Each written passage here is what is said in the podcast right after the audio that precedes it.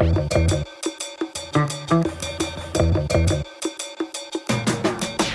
Valt er nog ergens geld te besparen in tijden van historisch hoge inflatie en waanzinnige energieprijzen? We hebben aan de lezers van de morgen gevraagd om hun beste besparingstips te delen en we hebben ook een expert te gast. Zij zal ons alles vertellen over sparen, besparen en de wetenschap achter ons koopgedrag. Blijf dus zeker luisteren, misschien kunt u er wat geld mee verdienen. Mijn naam is Dries Vermeulen, dit is Duidelijk. Duidelijk, de morgen. Bij ons aan tafel zit Els Lagroe, projectmanager financiële geletterdheid bij de Organisatie voor Economische Samenwerking en Ontwikkeling. Welkom, mevrouw Lagroe. Hallo. We gaan het hebben over geld, over besparen. We kunnen er moeilijk omheen. Het zijn, het zijn eigenlijk altijd dure tijden, maar op dit moment is het wel echt opvallend. Een historisch hoge inflatie, energieprijzen die de pan uitswingen en het ziet er ook niet naar uit dat het snel beter zal gaan. Dat kan ons een beetje defetistisch maken en de indruk wekken, we kunnen er allemaal weinig aan doen. Alles is gewoon duur. Is dat maar een idee of, of denkt u dat we echt nog wel iets kunnen doen op persoonlijk vlak? Er zijn natuurlijk een aantal elementen waar wij zelf niet veel kunnen aan doen. Eh, de oorlog, een crisis, economisch moeilijke tijden. Maar ik denk, een van de dingen dat we momenteel doen, is praten over geld. Mhm. En ik denk dat het eh, daar eigenlijk ook al allemaal mee begint, dat dat eh, heel belangrijk is dat mensen geldzaken en geldzorgen eigenlijk uit de taboesfeer halen. Want als we niet durven over praten, kunnen we ook ja, misschien geen oplossingen vinden voor de problemen, geen antwoorden vinden uh, voor onze vragen. Dus wat we vandaag doen is in elk geval al uh, zeker positief. Ja, en dan op die manier kunnen we misschien ons eigen gedrag een beetje veranderen en dat kan wel degelijk een verschil maken in onze financiële huishouding. Ja, ja, en ik denk, we moeten daar natuurlijk, ik zeg hier onmiddellijk ja, volmondig ja, mhm. maar we moeten daar ook heel realistisch in zijn. Ik ga een ander voorbeeldje geven. Ik denk dat heel veel mensen op heel regelmatige tijdstippen denken, och, ik wil toch een beetje lijnen, ik wil een paar kilootjes af. En iedereen, denk ik, weet eigenlijk ook wel, min of meer, niet altijd exact, maar we weten toch een beetje minder eten, een beetje minder drinken, een beetje minder snoepen. We weten dat. We weten hoe dat moet. We weten als we winkelen dat we een aantal zaken moeten laten liggen. En toch slagen heel veel mensen er niet in, een aantal wel, of we vervallen. We doen het een tijdje goed. En dus het komt er eigenlijk op aan bij, die, bij dat diëten. Het gaat over een gedragsverandering. En je gedrag veranderen is heel moeilijk. En dat gaat hier mhm. enkel over eten. Als we het dan over geld hebben, dan gaat het over heel veel. Het is niet alleen het kopen in de winkel, maar onze kledij, ons huis, onze reizen. Dus het is zo'n breed spectrum dat het natuurlijk nog complexer is. En dat we er wel iets kunnen aan doen, maar dat we ook realistisch moeten zijn en dat niet te ambitieus aanpakken, maar beetje per beetje daar uh, goede stappen in zetten en ons gedrag beetje bij beetje proberen te veranderen. Het is de bedoeling dat we in deze aflevering wat concrete tips verzamelen om effectief geld te besparen. We zijn eens de straat opgetrokken en hebben aan mensen gevraagd, ja, hoe gedragen jullie zich in deze dure tijden en op welke manieren slagen jullie er nog in om geld te besparen?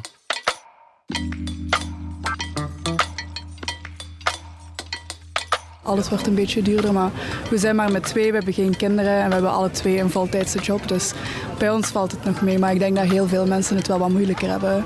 Over de lijn merkte dat, want alles is opgeslagen. Hè. Het zal nog niet stoppen, denk ik. Hè?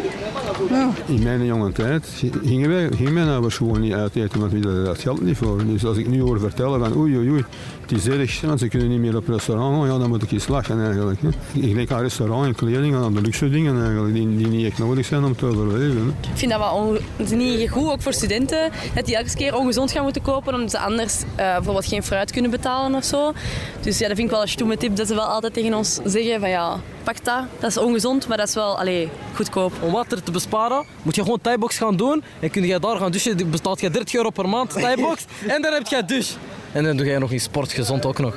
Ja, wij carpoolen meer naar het werk, met collega's van ons toch zeker. Waardoor dat we soms wel wat langer blijven of vroeger vertrekken, zodat we gewoon met iemand anders kunnen meerijden. Toch? Ja. Wat kan je besparen? Je kan alleen maar je, je, je verwarming lager draaien, veronderstel ik. Wat valt er anders te besparen? Ik ga mij niet horen ontkennen, maar ik denk dat dat wel ook wat opgeklopt is. Ik bedoel, als je weet, je hebt ook de indexatie van de lonen. Dus ik denk dat dat zoiets is, bijna zelf voor prophecy. Iedereen, en het gaat omhoog en het gaat omhoog. Wanneer dat natuurlijk veel omhoog gaat, is de benzine. Maar daar bestaat een goede remedie voor. Hè. Ga te voet, pak de fiets of neem de trein. Dat is goed voor uw portemonnee, dat is goed voor het klimaat en dat is goed om Oekraïne te steunen. Voilà!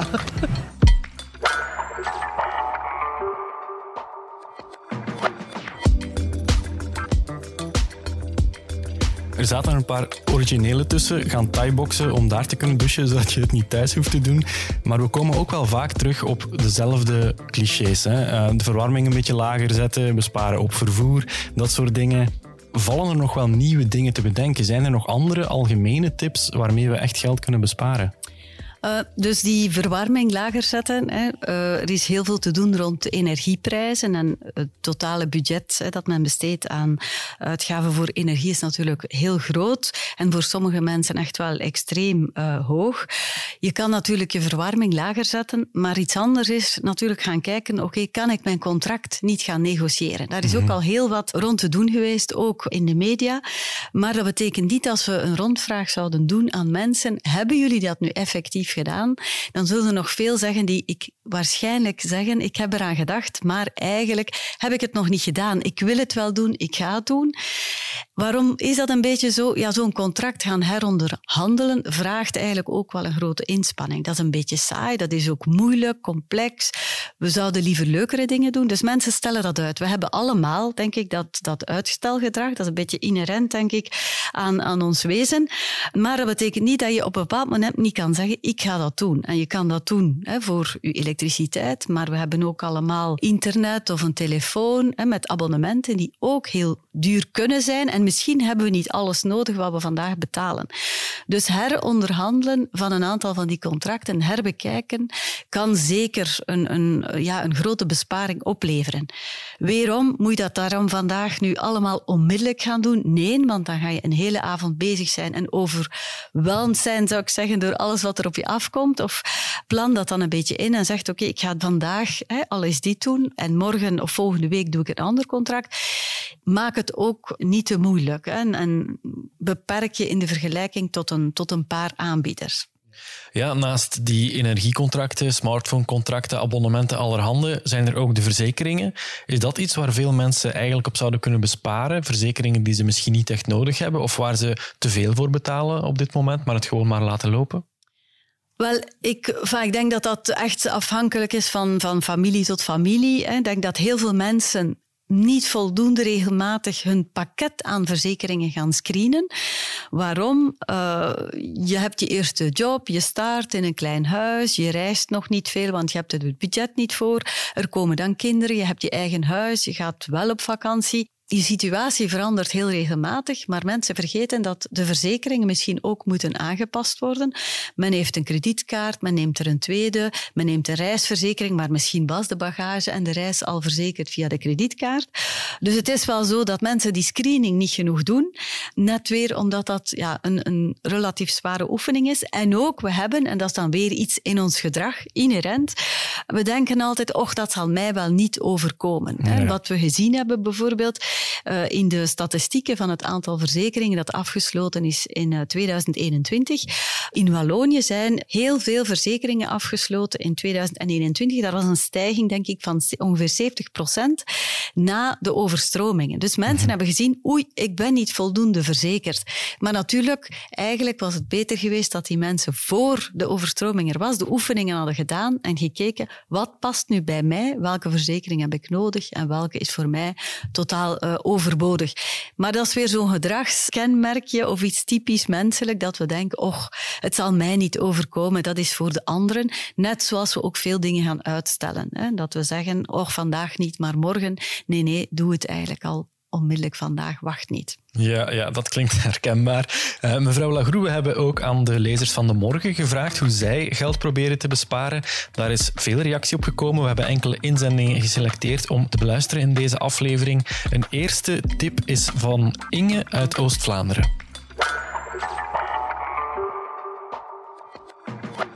Ik maak wekelijks gebruik van de snelverkoopproducten bij Deleuze en Carrefour. Vooral vlees en verse vis. Regelmatig staan die geprijsd aan 30 of zelfs 50 procent en met een groot gezin is dat een goede manier om nog betaalbaar en gevarieerd te kunnen eten. Ik maak het soms dezelfde dag klaar of ik vries alles in. Ook broodbeleg is nog perfect van kwaliteit voor de lunchpakketten van de dag erna. Een tof nieuw initiatief waar ik nog geen gebruik van maakte, is nu ook de verkoop van brood van gisteren, ook aan halve prijs en vers genoeg om croque monsieur mee te maken. Op een volle winkelkar kan ik zo toch wel 20 à 30 euro besparen. Ja, die snelverkoop, dat zijn producten die bijna gaan vervallen bijvoorbeeld, die dan uh, aan veel lagere prijzen verkocht worden in de supermarkt. Is dat een goede manier om, om geld te besparen? Wel, ik denk als je toch die producten hè, wilt kopen en als je toch denkt ik wil voor mijn gezin, zoals deze vrouw, uh, zeker eens een goed stukje vis of een goed stukje vlees op tafel uh, brengen, dan denk ik, ja, als je 20 euro kan besparen omdat het vandaag vervalt en je maakt het klaar, zou ik zeggen prima en zeker blijven doen. Wat we natuurlijk niet mogen doen, is als er drie pakketjes liggen aan 30 of 50 procent korting, denken, oh ja, ik zal ze toch allemaal meedoen en dan toch eentje niet opeten. We moeten altijd opletten dat we toch, ondanks hè, als het in promotie is, dat we het zeker gebruiken. Maar zoals deze uh, vrouw het voorstelt, is het zeker heel nuttig. Ja, het was opvallend dat veel tips die lezers instuurden zich afspeelden in de supermarkt. Is dat de plaats waar het meest geld te besparen valt? Uh, ik denk dat dat zeker een goede plaats is, maar één van de plaatsen. En we spitsen ons inderdaad gemakkelijk toe op de supermarkt. Ik denk dat dat ook heel visueel is, omdat je dan inderdaad kan zeggen, ah, ik, ik heb hier één gekocht en ik krijg nog een artikel toe. Ik heb zeker gespaard. Dat kan heel interessant zijn, maar het moet zeker ruimer zijn dan enkel die supermarkt. Omdat uh, we moeten ook heel goed in ons achterhoofd houden dat die supermarkt ook heel goed weet hoe wij functioneren. Ik heb hier al een paar dingen gezegd die niet zo goed zijn in ons gedrag. Mm -hmm. De supermarkt weet dat ook en weet perfect eigenlijk hoe wij uh, functioneren en hoe wij ook heel veel zaken automatisch doen in de winkel, dat wij niet nadenken, dat wij graag naar bepaalde kleuren kijken, dat wij graag bepaalde voeding op een bepaalde manier zien voorgesteld in de winkel. Belangrijk daarin is, hè, dat zijn eigenlijk gedragseconomen en psychologen met een aantal belangrijke uh, personen, zoals Kahneman, die eigenlijk gezegd heeft, ons, onze hersenen twee systemen. Het automatisch systeem. En gelukkig hebben we dat automatisch systeem, dat ik niet bij elk dingetje die ik in mijn winkelkar leg moet beginnen nadenken, want dat zou onmogelijk zijn. Hè.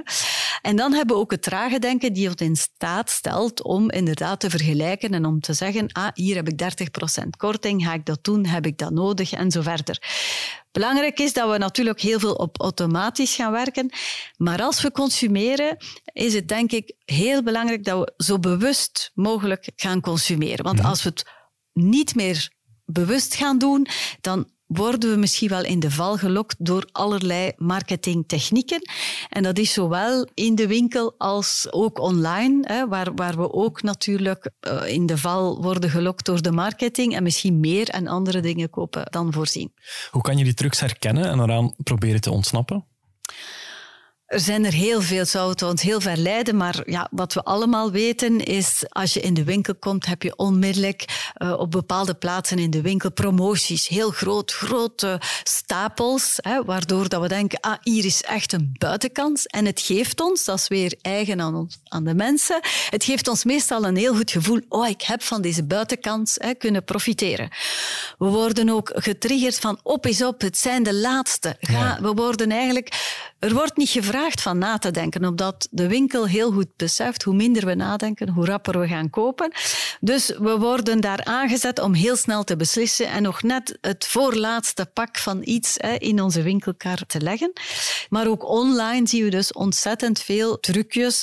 Uh, ik denk dat iedereen al wel eens een uh, hotelkamer of een vakantieverblijf online heeft geboekt. Mm -hmm. En daar zien we dan allerlei trucken terwijl je kijkt. Er zijn zoveel mensen op dit moment naar dezelfde de kamer aan het kijken. Er is net nog één verhuurd of uh, verkocht of wat dan ook. Dus we worden ook daar weer aangezet om heel snel te beslissen. De volgorde waarop bijvoorbeeld een hotelkamer wordt aangeboden is aangepast aan mijn profiel, zodat ik in de verleiding kom om toch net misschien iets meer budget uit te geven. Dus heel, heel veel trucjes. En dus daar weer koop bewust en als je kan, eigenlijk wacht ook een dagje. Want in de supermarkt, oké, als we een lijstje hebben, zullen we ons dan misschien proberen aan het lijstje te houden. Maar online hè, is het al wat moeilijker. En bijvoorbeeld voor uw hotelkamer, als je een dagje wacht, misschien ga je dan zeggen, maar eigenlijk, we gaan dat weekendje toch niet doen, want ik heb eens uitgerekend en bah, het zal misschien allemaal te duur zijn. We gaan wachten tot de grote vakantie en dan onze normale vakantie boeken. Hetzelfde met een kleedje of met een nieuwe telefoon of, of wat dan ook. Oké, we gaan nog eens luisteren naar een lezer. Dat is Filip uit Antwerpen en die heeft deze tip.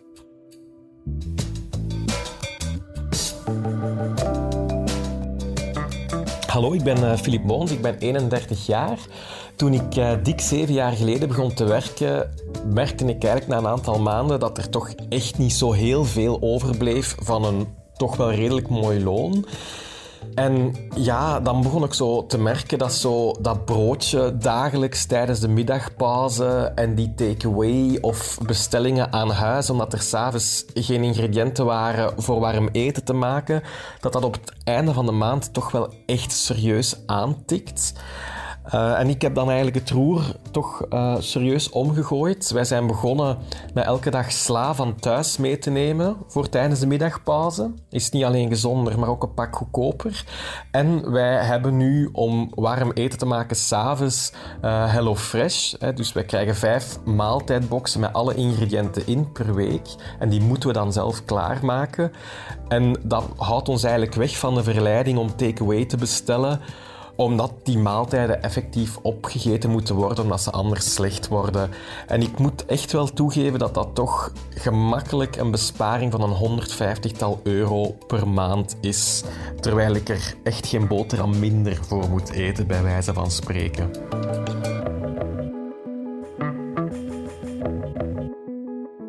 Ja, mevrouw Lagroe, misschien eerst even over die maaltijdboxen. Wij doen dat thuis ook, HelloFresh. Je komt inderdaad minder in de verleiding om takeaway te bestellen. Dus op die manier bespaart het je wat geld, maar echt spotgoedkoop zijn die boxen ook niet. Hè? Is het een besparingsmiddel of toch vooral een dure manier om zelf te koken? Ik denk dat je weerom moet kijken van waar kom je en wat was je vorige situatie. Dus koop je elke avond of zeer regelmatig take-away uh, voedsel of, of, maaltijden. Ze zijn in elk geval duurder. Je laat ze dan ook nog aan huis uh, leveren, elke avond opnieuw. Dus je betaalt daar heel veel geld voor. En als je dan zegt van, oké, gezien mijn huidige situatie, en misschien hè, kookt die meneer niet graag of gaat hij helemaal niet graag naar de winkel, of zal hij in de winkel dubbel zoveel uitgeven omdat hij niet weet wat hij gaat koken de ganse week, en, en koopt hij maar en moet dan, hè, zal dan de helft van de producten vervallen in de frigo, dan is natuurlijk die, die maaltijdboxen eigenlijk voor die persoon zeer geschikt. Ook al is dat misschien nog duurder dan dat je met je lijstje heel specifiek met je menu voor de hele week naar de winkel gaat hè, en koopt in het geval hè, van, van deze persoon zou ik zeggen, ja, het is in elk geval al een besparing en hij eet gezond. Hetzelfde voor, voor jullie thuis. Hè. Dan, dan hoef je niet naar de winkel, doe je ook niet aan, aan overconsumptie of moet je geen uh, ja, verse voeding eigenlijk gaan weggooien omdat je het niet hebt klaargemaakt. De lezer die we net hoorden had het ook over dat broodje op de middag, die koffie onderweg. Dat zijn dingen die we vaak horen. Hè? Al die kleine bedragen elke dag, begin daar al eens mee, want opgeteld verlies je daar eigenlijk heel erg veel geld aan. Is dat iets wat we met z'n allen meer moeten leren om op die kleine uitgaven te letten? Ja, ik denk het eigenlijk wel. Het is een mooi voorbeeld en er bestaat daar ook eh, heel veel eh, materiaal, videofilmpjes, waar men eigenlijk inderdaad aan mensen vraagt. Je hebt hier nu net een koffie gekocht in een, een mooie koffiezaak, een beetje aantrekkelijk. Uh, hoeveel keer doe je dat in de week? En dan zien we dat heel veel mensen toch heel regelmatig, misschien van voor het COVID-tijdperk, waar we nog elke dag in het station of op weg waren naar het werk, een, bijvoorbeeld een koffie kopen, maar dat loopt op. En als je dat dan vraagt aan de mensen, hoeveel is dat op jaarbasis? Dan moeten mensen meestal beginnen rekenen, want eigenlijk mhm. heb je daar niet goed over nagedacht. Hè. 2 euro, 3 euro per dag, ah, ja, per week 15 euro en zo verder. Mensen gaan dan tellen en dan zie je eigenlijk dat heel veel mensen toch wel schrikken en denken, oeh, met dat bedrag kan ik misschien wel al heel wat andere zaken doen. Ik kan ermee naar een concert, ik kan ermee gaan uit eten en zo verder. Betekent dan dat we inderdaad moeten zeggen, dat is echt slecht, je mag die koffie niet nemen? Zeker niet. We hebben allemaal graag kleine pleziertjes en kleine gelukjes.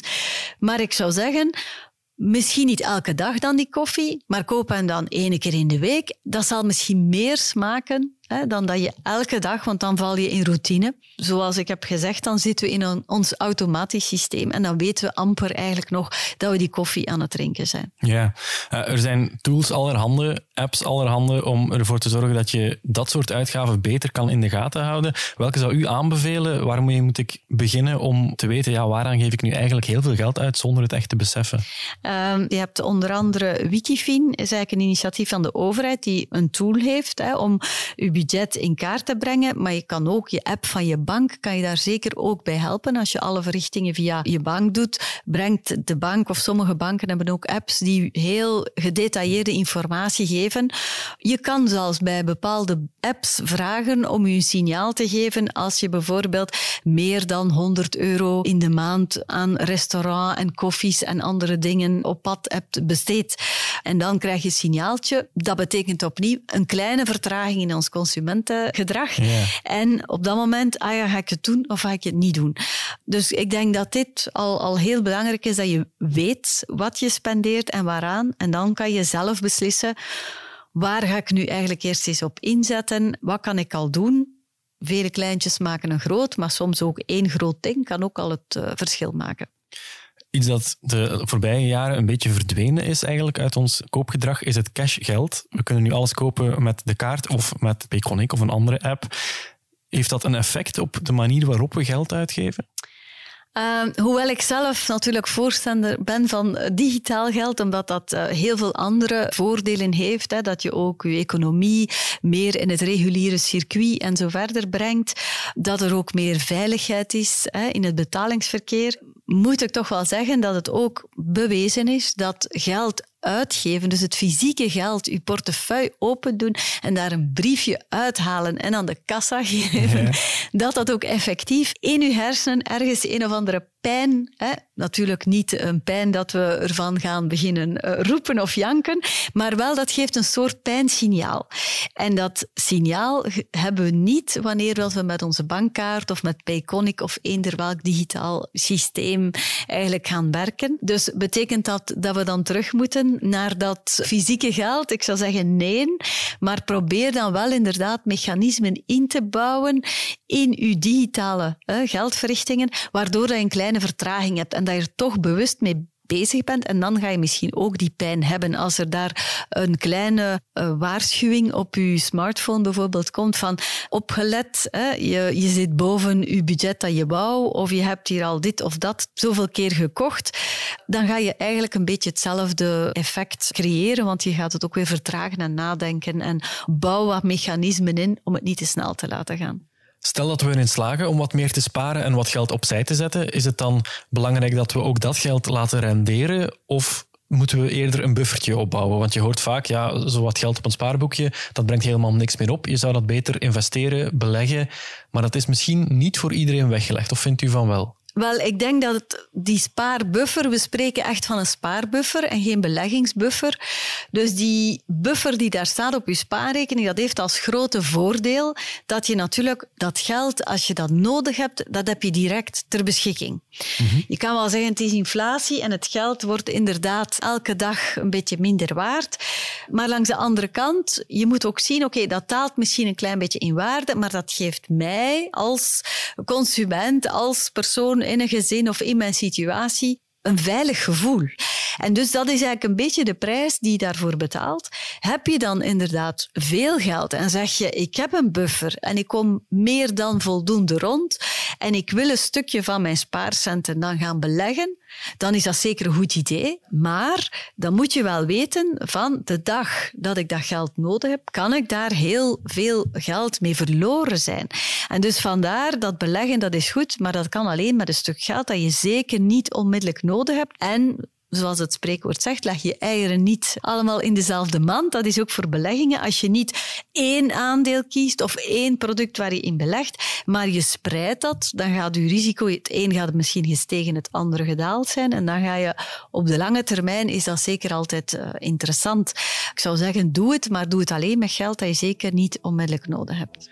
Oké, mevrouw Lagroe, het wordt stilaan tijd om deze aflevering af te ronden. Kunt u misschien tot slot eens even samenvatten? Wat zijn nu de belangrijkste lessen die mensen hieruit moeten meenemen om meer te leren besparen? Ehm, stel het niet uit tot morgen. Hè. Begin er echt vandaag aan. Weet dat er daar een stukje misschien minder plezant werk bij zit. Maar besef, als ik nu een kleine inspanning doe, dan ga ik meer geld kunnen sparen of ga ik besparen. Praat erover. Praat erover in uw gezin. Praat erover met uw vrienden of zoek informatie. Consulteer betrouwbare uh, bronnen. Dus op publieke websites, op een wikifin, op een overheidsorganisatie, maar ook bij uw OCMW of bij uw JAK of CAW in uw buurt. Er zijn heel veel mensen die u heel goede informatie en betrouwbare informatie kunnen geven. En en weet dus dat je niet alleen bent in je slechte gewoonten en probeer beetje per beetje iets aan te veranderen. Geef de moed niet op. Iedereen heeft hetzelfde gevecht aan te gaan met geld en geldzaken. En als je bewust koopt, zul je ook meer genieten van wat je hebt gekocht en wat je hebt opgeconsumeerd, zou ik zeggen. Oké, mevrouw Lagroe, heel veel dank voor al uw tips en al uw advies. Daar kunnen we zeker mee aan de slag. Dank u wel. Met veel plezier. Ik bedank ook Laurens Bervoets, die heeft meegewerkt aan de productie van deze aflevering. En de lezers die een tip hebben ingestuurd. En u, beste luisteraar, bedank ik natuurlijk ook weer om erbij te zijn. Hopelijk doet u dat volgende week opnieuw, want donderdag zijn we er weer met een nieuwe aflevering. Heel graag tot dan. Dit was duidelijk.